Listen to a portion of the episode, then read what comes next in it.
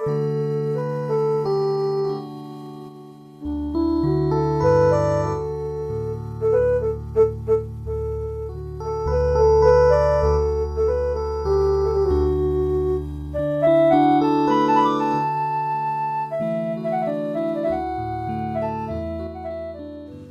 ះវិទ្យុសំឡេងមេត្រីភាពផ្សាយចេញពីវិទ្យុ Adventist ពិភពលោក នាងខ្ញុំ Erica Pha ហើយខ្ញុំចនព្រី ស្លីផាសូមគោរពនិងស្វាគមន៍ចំពោះអស់លោក លោកស្រី និងប្រិយមិត្តអ្នកស្ដាប់ទាំងអស់ជាទីមេត្រីបងប្អូនលោកអ្នកកំពុងស្ដាប់ដំណឹងល្អពីវិទ្យុសំឡេងមេត្រីភាព ដែលផ្សាយចេញជាភាសាខ្មែរមួយថ្ងៃពីរលើកព្រឹកពីម៉ោង6ដល់ម៉ោង6:30នាទី ពេលល្ងាចពីម៉ោង8ដល់ម៉ោង8:30នាទីយប់តាមរលកធាតុអាកាសខ្លី short wave 15150 kHz កម្ពស់19ម៉ែត្រអ្នកស្រីសុនសវណ្ណានឹងជម្រាបជូននៅកម្មវិធីសម្រាប់ថ្ងៃនេះដូចតទៅ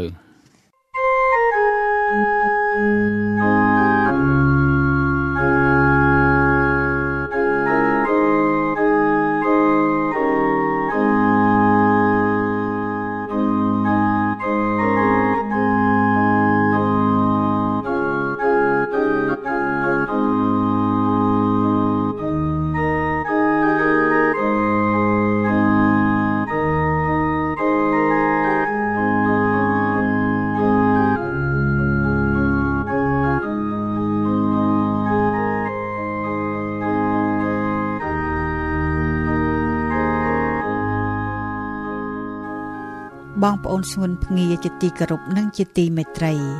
សញ្ញាទាំងឡាយនៃពេលវេលា បញ្ជាក់ប្រាប់យើងថាព្រះយេស៊ូវចិត្តយាងមកហើយ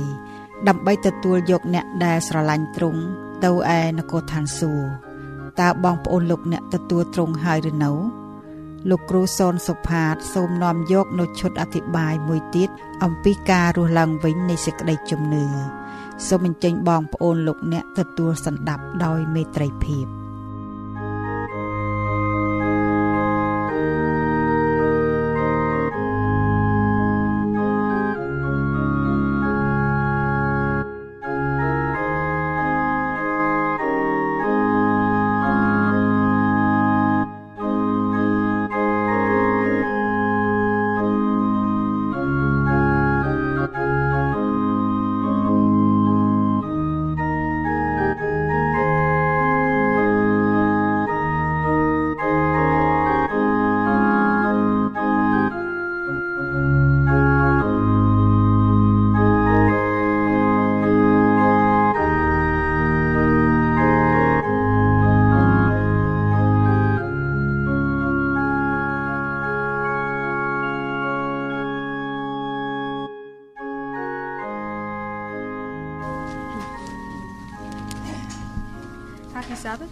Sabbath.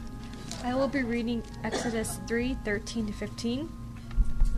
Then Moses said to God, Indeed, when I come to the children of Israel and say to them, The God of your fathers has sent me to you, and they say to me, What is his name? What shall I say to them? And God said to Moses, I am who I am. And he said, Thus you shall say to the children of Israel, I am has sent me to you. Moreover, God said to Moses, Thus you shall say to the children of Israel, The Lord God of your fathers, the God of Abraham, the God of Isaac, and the God of Jacob, has sent me to you. This is my name forever, and this is my memorial to all generations. ជំរាបសួរបងប្អូននាងខ្ញុំសូមអានព្រះគម្ពីរនិខមណាំងជំពូក3ខ13ដល់ខ15ម៉ូសេក៏ទូលទៅព្រះថាមើលកាលណាទូលបង្គំទៅប្រាប់ពួកកូនចៅអ៊ីស្រាអែលថា ព្រះនៃអាយកោអ្នករាល់គ្នាទ្រង់បានចាត់ខ្ញុំឲ្យមកឯអ្នករាល់គ្នា ហើយគេសួរទូលបង្គំថាតើព្រះទ្រង់ព្រះនាមជាអ្វីនោះតើត្រូវឲ្យទូលបង្គំប្រាប់គេថាដូចម្ដេចព្រះទ្រង់បានមានបន្ទូលទៅម៉ូសេថាអញជាព្រះដ៏ជាព្រះរួចទ្រង់មានបន្ទូលទៀតថាឯងត្រូវឆ្លើយប្រាប់ដល់ពួកកូនចៅអ៊ីស្រាអែលដូចនេះថា ព្រះដ៏ជាព្រះ ទ្រង់បានចាត់ឲ្យខ្ញុំមកឯអ្នករាល់គ្នាព្រះទ្រង់ក៏មានបន្ទូលនឹងម៉ូសេទៀតថាចូលនិយាយនឹងពួកកូនចៅអ៊ីស្រាអែលដូចនេះថា ព្រះយេហូវ៉ាជាព្រះនៃពួកអាយកោអ្នករាល់គ្នា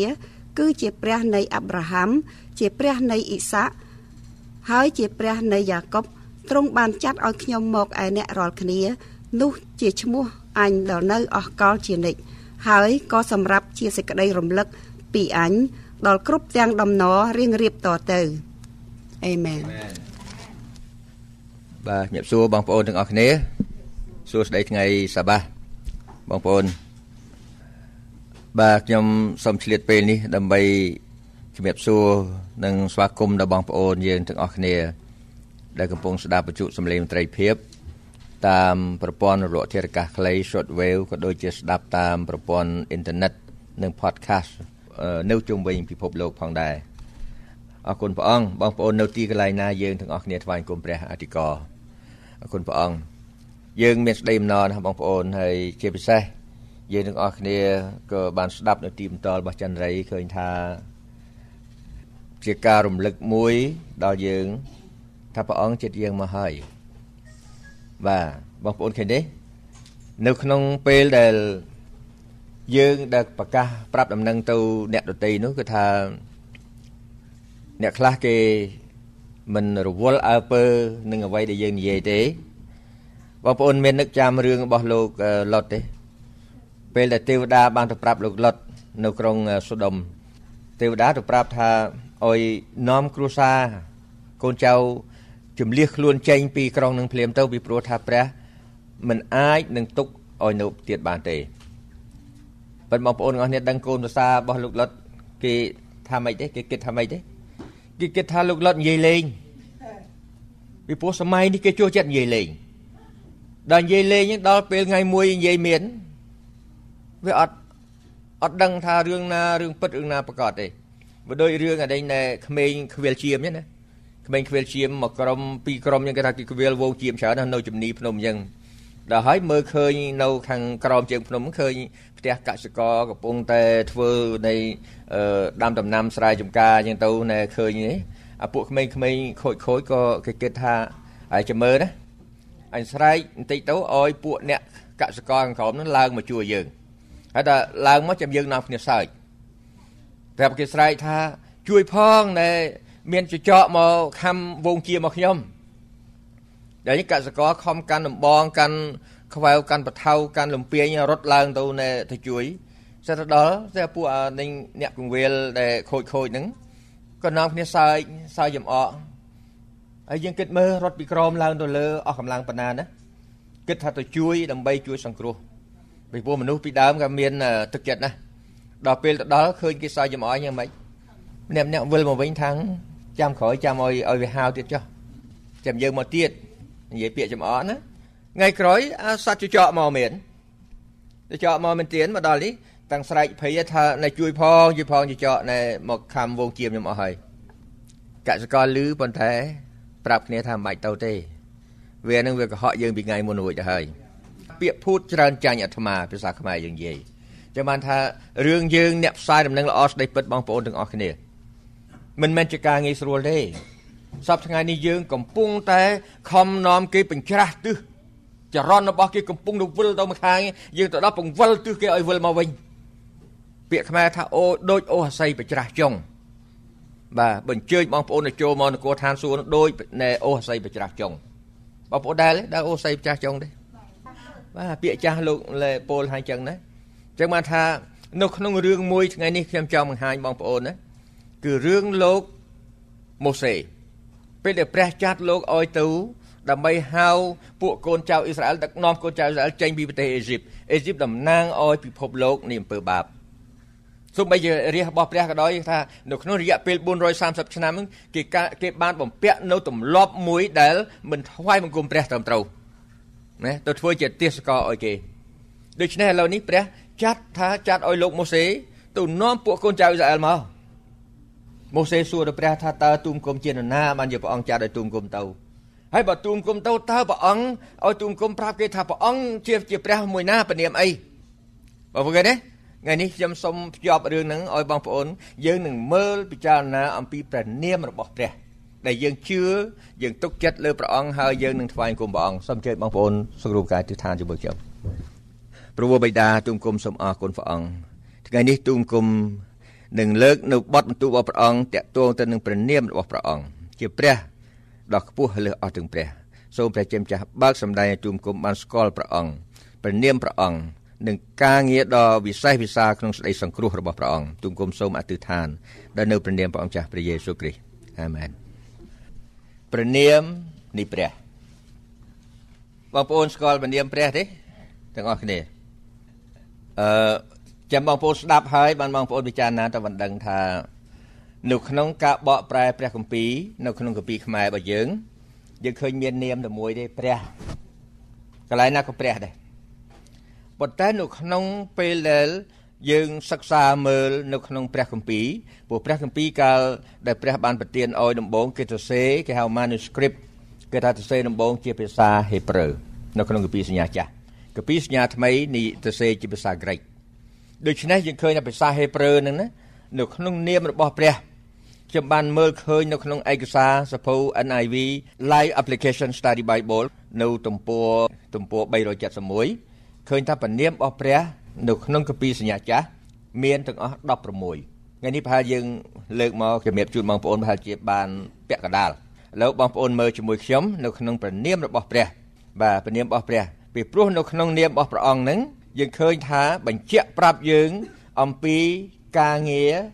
ណានិងកិច្ចការរបស់ផងព្រះ នៅក្នុងនាមទាំងអស់នោះឯងអញ្ចឹងបងប្អូនមើលទៅជាមួយខ្ញុំម្ដងទៀតយើងមើលទៅបទបន្ទូលរបស់ព្រះអង្គនៅគម្ពីរនិខមណាំងជំពូក3អរគុណព្រះអង្គដែលយើងបានអានជាមួយគ្នាបាញ់មិញនៅក្នុងគម្ពីរនិខមណាំងជំពូក3នៅក្នុងជំពូក3នេះបងប្អូនទាំងអស់គ្នាដឹងហើយថាបើខ្ញុំស្ថាបនាគ្រឹះឲ្យបងប្អូនយល់បន្តិចបានន័យថាលោកម៉ូសេលោកបាន មករស់នៅជាមួយលោកយេត្រូដែលជាឪពុកក្មេកហើយបងប្អូនទាំងអស់គ្នាដឹងថាលោកម៉ូសេជានរណាទេលោកម៉ូសេគាត់ជាអ្នកណាកូនរបស់សាហេប្រឺទៅនៅក្នុងប្រទេសអេស៊ីបហើយពេលនោះគេបានសម្លាប់កូនប្រុសទាំងអស់ប៉ុន្តែកូនឆ្លោះល្អពេកម្ដាយបានយកលាក់ទុកហើយបានណែថ្ងៃមួយបានបណ្ដែតទៅក្នុងនេះណែទន្លេណែរួចហើយក៏បានបុត្រីផារ៉នបានចុះទៅស្រង់ទឹកទៅក៏បានឃើញហើយក៏បានយកមកចិញ្ចឹម ខ្ញុំនិយាយសង្ខេបខ្លីឲ្យបងប្អូនបងប្អូនមានពេលយើងមើលនៅក្នុងរឿងរបស់លោកម៉ូសេបន្ទាប់មកទៀតលោកម៉ូសេដល់ពេលគាត់អាយុបាន40ឆ្នាំដល់ពេលមួយទៀតដែលព្រះជាម្ចាស់ត្រូវប្រើលោកឲ្យដើម្បីរៀបចំខ្លួនសម្រាប់ទៅដឹកនាំរាជរបស់ព្រះអង្គចេញពីប្រទេសអេស៊ីបបងប្អូនទាំងអស់គ្នាដឹងទេលោកម៉ូសេនេះខ្ញុំហៅថាបរោះ43ដង40នៅក្នុងប្រទេសអេស៊ីបជាកូនរបស់នៃស្ដេចផារ៉ោនកូនចាំរបស់ស្ដេចផារ៉ោនណាបត្រីផារ៉ោនហ្នឹង ដូច្នេះលោកម៉ូសេជាអ្នករៀនបានខ្ពស់ជាងគេបង្អស់ខ្ពស់ជាងគេបង្អស់ជាអ្នកដែលនឹងស្នងរាជនៅក្នុងប្រទេសអេស៊ីបទាំងមូលប៉ុន្តែម៉ូសេគាត់ពេញចិត្តទេគាត់អត់ពេញចិត្តទេគាត់ថាគាត់មិនសុខចិត្តទទួលយកគោរមងារដ៏ធំនោះហើយសបាយតែមកភ្លាតប៉ុន្តែគាត់មិនបានសង្គ្រោះទេគាត់មិនអាចនឹងក្បត់ពីនៃបងប្អូនរបស់គាត់ទេគាត់គឺជាអ្នកដែលគេថាជាសាហេប្រឺជាពួកឆ្លើយដូច្នេះគាត់ត្រូវតែរស់នៅយកសន្តានរបស់គាត់មកវិញពេលមួយបងប្អូនទាំងអស់គ្នា គាត់ទៅជួយបងប្អូនរបស់គាត់ពេលដែលត្រូវគេបៀតបៀនគេជិះជាន់នៅក្នុងប្រទេសអេស៊ីបពេលនោះគាត់ទៅដល់ខាត់គេខាត់គេកុំអោយណែដែលគេឆ្លោះគ្នាតទៀតពេលហ្នឹងគេថាពួកសាសរបស់គាត់បាននិយាយទៅគាត់វិញថាតើអ្នកឯងចង់ធ្វើចៅក្រមយើងឬយ៉ាងម៉េចណែអ្នកឯងចង់សម្លាប់យើងណែកប់ទៅក្នុងដីខ្សាច់ដោយថ្ងៃមុនទៀតហ៎រឿងហ្នឹងវាបែកការនឹងរហូតដល់ម៉ូសេ រត់គេចខ្លួនចេញពីប្រទេសអេស៊ីបមកនៅក្នុងទីរហោស្ថាន នៅក្នុងសំណាក់របស់យេត្រូដែលជាសង្ឃនៅទីនោះបងប្អូនទាំងអស់គ្នាដឹងទេគេថាគាត់មានកូនក្រមុំច្រើនណាស់បងប្អូនណាបាទហើយក្រោយមកគេថាសេផូរ៉ាបានទៅជាប្រពន្ធរបស់លោកម៉ូសេបងប្អូនមើលរឿងនឹងខ្លួនឯងនៅក្នុងនេះគេថាយើងឃើញថាលោកម៉ូសេបានរៀនចប់សញ្ញាបត្រសញ្ញាបត្របានធំណាស់នៅក្នុងប្រទេសអេស៊ីបគេថាគ្មាននរណាដែលរៀនណែខ្ពស់លើសជាងម៉ូសេទេប៉ុន្តែដល់ពេលព្រះអង្គ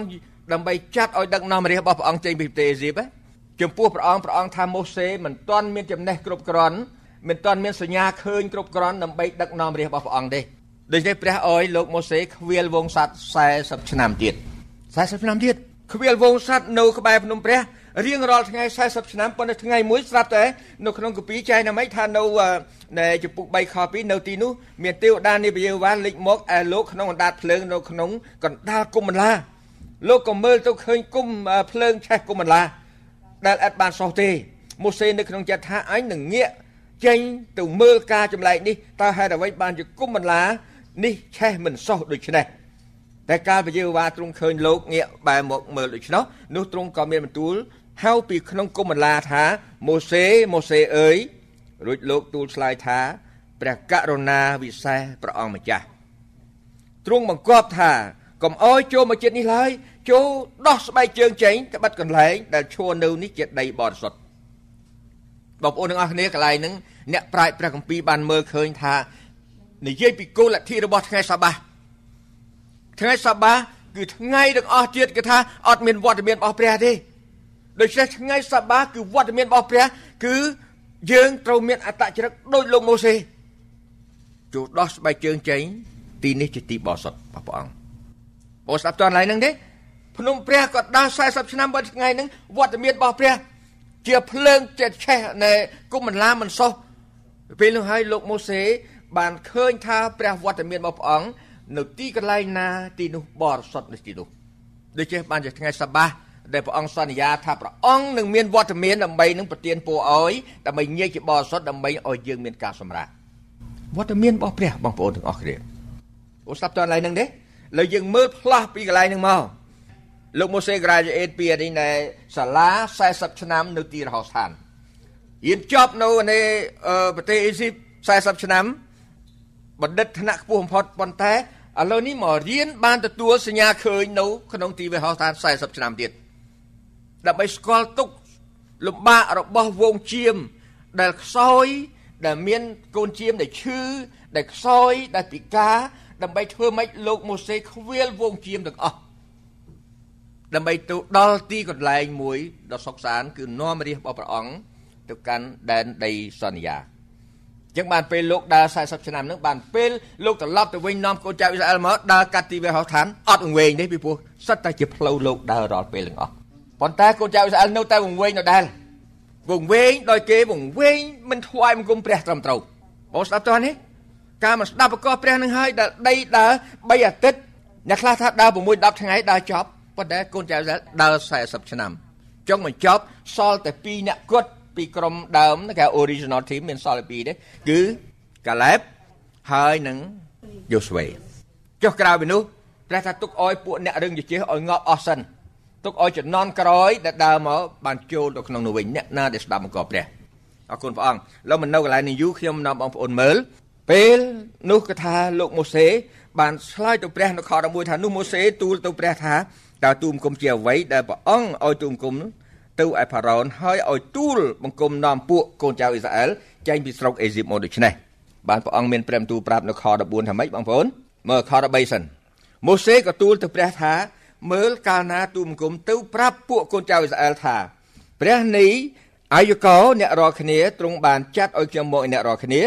ហើយគេសួរទូលបង្គំថាតើព្រះទ្រង់មានព្រះនាមជាអ្វីនោះតើត្រូវឲ្យទូលបង្គំប្រាប់គេថាដូចម្ដេចខ14ព្រះទ្រង់មានបន្ទូលទៅម៉ូសេថាឯងជាព្រះដ៏ជាព្រះរួចទ្រង់មានបន្ទូលទៅទៀតថាឯងត្រូវឆ្លើយប្រាប់ដល់ពួកកូនចៅអ៊ីស្រាអែលដូចនេះថាព្រះដ៏ជាព្រះទ្រង់បានចាត់ឲ្យខ្ញុំមកឯអ្នករាល់គ្នា បងប្អូនទាំងអស់គ្នារឿងហ្នឹងបើយើងមើលមកសពថ្ងៃនេះពួកយើងកាលណាយើងទៅប្រាប់បងប្អូនយើងគេសួរយើងដូចគ្នាសួរឯងនៅព្រះណាហ្នឹងព្រះណាបងប្អូនទាំងអស់គ្នាមើលនៅឃើញមកស្លឹកមកទៀតនៅក្នុងកាពីនេះខាងម៉ាំងពេលដែលលោកម៉ូសេទៅនៅខ1ក្រោយនោះមកម៉ូសេនិងអារ៉ុនក៏នាំគ្នាចូលទៅកល់ផារ៉ោនទូលថាព្រះយេហូវ៉ាជាព្រះនិសាអ៊ីស្រាអែលទ្រង់មានបន្ទូលដូច្នេះថាជួឲ្យរះអញចេញទៅថ្វាយយ៉ាញ់បូជាដល់អញនៅទីវេរហោស្ថានខ2 តែផារ៉ោនមានបន្ទូលឆ្លើយថាតើព្រះយេហូវ៉ាជាអ្នកណាដែលអញត្រូវស្ដាប់តាមទ្រង់នឹងឲ្យសាសអ៊ីស្រាអែលចេញទៅនោះអញមិនស្គាល់ព្រះយេហូវ៉ាទេហើយក៏មិនព្រមឲ្យសាសអ៊ីស្រាអែលចេញទៅឡើយបងប្អូនគិតមើលថាផារ៉ោនគាត់ឆ្លើយបដិសេធថាមិនស្គាល់ពីព្រោះគាត់មិនបានថ្វាយបង្គំព្រះនគរឋានសួគ៌ទេគាត់ថ្វាយបង្គំព្រះនៅឋានទាបគេថ្វាយបង្គំព្រះនៅនៃនៅឋានទាបដូច្នេះគាត់បដិសេធថាគាត់ស្គាល់ទេ ដោយសារមិនស្គាល់នឹងព្រះបានចាត់ទុកវេទនា10ទើបផារ៉ូនស្គាល់ថានោះហើយជាព្រះ ដែលមានអំណាចណាមានអំណាចលើសេចក្តីស្លាប់ចុងក្រោយមកអស់បងប្អូនទាំងអស់គ្នាដឹងទេខ្ញុំសរុបសេចក្តីបន្តិចទៅកូនចៅអ៊ីស្រាអែលពេលដែលនៅក្នុងចុងក្រោយអស់ពេលព្រះបានវាយស្រុកអេស៊ីបឲ្យស្លាប់កូនច្បាស់ទាំងអស់ទាំងវងសัตว์ក៏ដោយគេថាឲ្យតកូនច្បាស់ស្លាប់ទាំងអស់គ្មានផ្ទះណាមួយដែលមិនមានសម្រែកយំដោយសារការស្លាប់កូនច្បាស់ទេ រហូតដល់ចុងក្រោយវត្តកូនច្បងនៅក្នុងដំណាក់ផារ៉ុនក៏ត្រូវស្លាប់ទៀតបងប្អូនស្ដាប់តន់ឡើងនឹងទេថាតើការទាំងអស់នោះកើតឡើងយ៉ាងណាកន្លែងនេះខ្ញុំឲ្យបងប្អូនមើលហើយមានអំណរជាមួយគ្នា នៅក្នុងនិខាម៉ានាំងចំពុក11ខ4ខ4ម៉ូសេក៏ទូលថាព្រះយេហូវ៉ាទ្រង់មានបន្ទូលដូច្នេះថាដល់កណ្ដាលអាត្រៀតឯនឹងចេញទៅកណ្ដាលស្រុកអេស៊ីបនោះអស់ទាំងកូនច្បងនៅស្រុកអេស៊ីបនឹងស្លាប់ ចាប់តាំងពីកូនច្បងរបស់ផារ៉ូនដែលគង់លើបល្ល័ង្ករាជចុះមកដល់កូនច្បងរបស់បាវស្រីដែលនៅខាងក្រោយត្បាល់កិន ហើយគ្រប់ទាំងកូនច្បងក្នុងវងសត្វដែរនោះគេនឹងស្រែកទ្រហោយំនៅពេញក្នុងស្រុកអេស៊ីបដល់ម្លេះបានជាតាំងពីដើមមកមិនដែលមានដូច្នោះឡើយហើយទៅមុខទៀតក៏មិនដែលមានដែរខ7ប៉ុន្តែនៅក្នុងពួកកូនចៅអ៊ីស្រាអែលចាប់តាំងពីមនុស្សដល់សត្វនោះសូម្បីតែឆ្កែមួយក៏មិនកំរើកអណ្ដាតទាស់នឹងគេឡើយ នេះដើម្បីឲ្យអ្នករាល់គ្នាបានដឹងថាព្រះយេហូវ៉ាទ្រង់រាប់សាសអេស៊ីបនិងសាសអ៊ីស្រាអែលផ្សេងអំពីគ្នាបងប្អូនអាចយល់បានទេកន្លែងហ្នឹងអ្នកជឿព្រះដែលពិតប្រាកដជាអ្នកគ្រីស្ទានពិតប្រាកដដែលថ្វាយបង្គំព្រះអង្គទៅតាមការត្រាំក៏របស់ព្រះអង្គនៅពេលចុងក្រោយបងអស់នឹងឃើញការដូចគ្នានេះដែរបងប្អូនសេចក្តីស្លាប់មិនអាចមកបៀតដល់អ្នកដែលស្មោះត្រង់ព្រះអង្គបានទេបងស្ដាប់តើកន្លែងហ្នឹងទេកន្លែងនេះមួយដែលយើងគួរមានអំណរ ពេលដែលពួកកូនចៅអ៊ីស្រាអែលនៅក្នុងកណ្ដាលប្រទេសអេស៊ីបអត់មានសេចក្តីលំបាកសេចក្តីនៃស្លាប់ណាមួយកើតដល់នៅក្នុងក្រុមគ្រួសាររបស់កូនចៅអ៊ីស្រាអែលឡើយដោយគេបានធ្វើបងប្អូនដោយគេយកឈាមរបស់កូនជៀមទៅលាបនៅក្របទ្វារនៅលំនៅឋានរបស់កូនចៅអ៊ីស្រាអែលរំលឹកអំពីអីបងប្អូនចង្អុលទៅអីអំពីការសគត់និងការខ្ចាយឈាមរបស់ព្រះយេស៊ូវនៅលើឈើឆ្កាងកូនជៀមនោះគឺជាព្រះយេស៊ូវបងស្ដាប់តើនេះ ឥឡូវយើងមើលទាំងអស់គ្នាព្រះបានមានព្រះបន្ទូលប្រាប់នៅក្នុងនោះដល់ម៉ូសេថាម៉េចថាឈ្មោះព្រះនាមព្រះអង្គជាអីនៅក្នុងឯកសារមួយគេនិយាយថាណែព្រះបានលេចទៅលោកម៉ូសេហើយណែនៅក្នុងវចនានុក្រមវចនានុក្រមមួយគេនិយាយតែគេថាព្រះបានលេចទៅលោកម៉ូសេហើយបានបង្ហាញឈ្មោះដល់លោកម៉ូសេជាអក្សរ4តួគឺ Y W H W I am who I am បងប្អូននេះស្ដាប់តើឡើយហ្នឹងទេតើនៅក្នុងព្រះគម្ពីរខ្មែរបានបកស្រាយច្បាស់លាស់ទេគម្ពីរខ្មែរនិយាយថាថាអញជាព្រះដ៏ជាព្រះ នៅក្នុងគម្ពីរអង់គ្លេស I am who I am ខ្ញុំឲ្យបងប្អូនចាប់អារម្មណ៍ឡើយនេះមួយ នៅក្នុងនេះភាសាអង់គ្លេសគេប្រើគេហៅថាកាលកាលកាលរបស់កិរិយាសព្ទនោះគេប្រើកាលកាលមានអតីតកាលមានបច្ចុប្បន្នកាលអនាគតកាលធំធំមានកាល3នៅក្នុងនេះគេថាគេប្រើគេហៅថាបច្ចុប្បន្នកាល I am not I was not I will but I am គឺថាព្រះអង្គគឺជាព្រះដែលនៃបច្ចុប្បន្នភាពបញ្ជាក់ប្រាប់អំពីបងប្អូនអំពីគេហៅថា universal truth គឺសេចក្តីពិតជាសកលកាលណាគេប្រើពាក្យគេហៅថាជាបច្ចុប្បន្នកាលហ្នឹងដូច្នេះព្រះគឺជាព្រះដ៏មានបជនរស់ឡើយនេះ I am who I am ហ្នឹងបងស្ដាប់តើនេះឥឡូវយើងមើលឃើញនៅក្នុងនាមរបស់ព្រះភាសាអង់គ្លេសយើងឃើញថាប្រើពាក្យព្រះភាសាខ្មែរប្រើពាក្យព្រះ ប៉ុន្តែនៅក្នុងភាសាដើមនៃព្រះគម្ពីរគឺភាសាហេប្រឺក្នុងភាសាហេប្រឺនេះគេថាឈ្មោះព្រះនាមរបស់ព្រះអង្គហ្នឹងណាខ្ញុំស្រាវជ្រាវឯកសារនៅសភៅ NIV LASB ហ្នឹងគេថា Live Application Study Bible នៅទំព័រ371គឺបានបញ្ជាក់ប្រាប់ព្រះនាមរបស់ព្រះអង្គបងប្អូនមើលជាមួយខ្ញុំយើងបើកគម្ពីរទៅនៅលោកុបាទចំពុក1ខ1ខ្ញុំប្រាប់ឲ្យបងប្អូននៅក្នុងកន្លែងគម្ពីរខ្មែរមានតែ2 3កន្លែងនេះដែលបញ្ជាក់ប្រាប់ព្រះនាមរបស់ព្រះអង្គ ប៉ុន្តែកន្លែងនេះយើងអានកាលដើមដំបូងឡើយព្រះបានបង្កើតផ្ទៃមេឃនិងផែនដីភាសាអង់គ្លេសដូចគ្នា in the beginning God create heaven and earth God create the heaven and the earth បាទដូច្នេះយើងមើលឃើញកន្លែងនេះឃើញព្រះប៉ុន្តែភាសាហេប្រឺកន្លែងហ្នឹងគឺគេហៅថា Elohim Elohim មានន័យថាម៉េចមានន័យថាព្រះបងស្ដាប់តើណាខ្មែរយើងមានពាក្យថាព្រះមួយនៅកាពីអង់គ្លេសដូចគ្នាព្រះ God ប៉ុន្តែភាសាដើមគេថា Elohim មានន័យថាម៉េចមានន័យថាព្រះ